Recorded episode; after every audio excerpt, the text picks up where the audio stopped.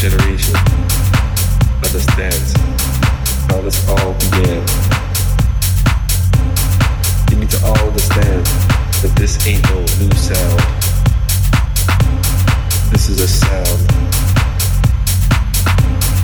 that was from the old underground.